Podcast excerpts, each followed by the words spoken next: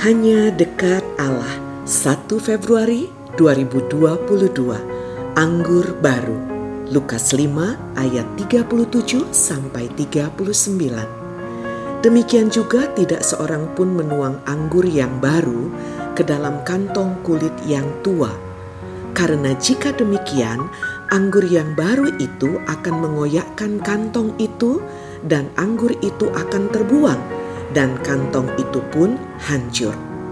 Tetapi anggur yang baru harus disimpan dalam kantong yang baru pula. Tidak seorang pun yang telah minum anggur tua ingin minum anggur yang baru, sebab ia akan berkata, "Anggur yang tua itu baik." Pernyataan Yesus logis. Sang guru tak mau para murid-muridnya melakukan sesuatu yang sia-sia Minuman dari buah anggur dibuat dengan proses fermentasi. Selama proses tersebut akan timbul gas buangan yang dapat membuat kantong yang terbuat dari kulit mengembang. Menaruh anggur baru dalam kantong tua hanya akan membuat kantong itu terkoyak dan hancur. Anggur itu pun terbuang percuma. Anggur baru harus disimpan dalam kantong baru.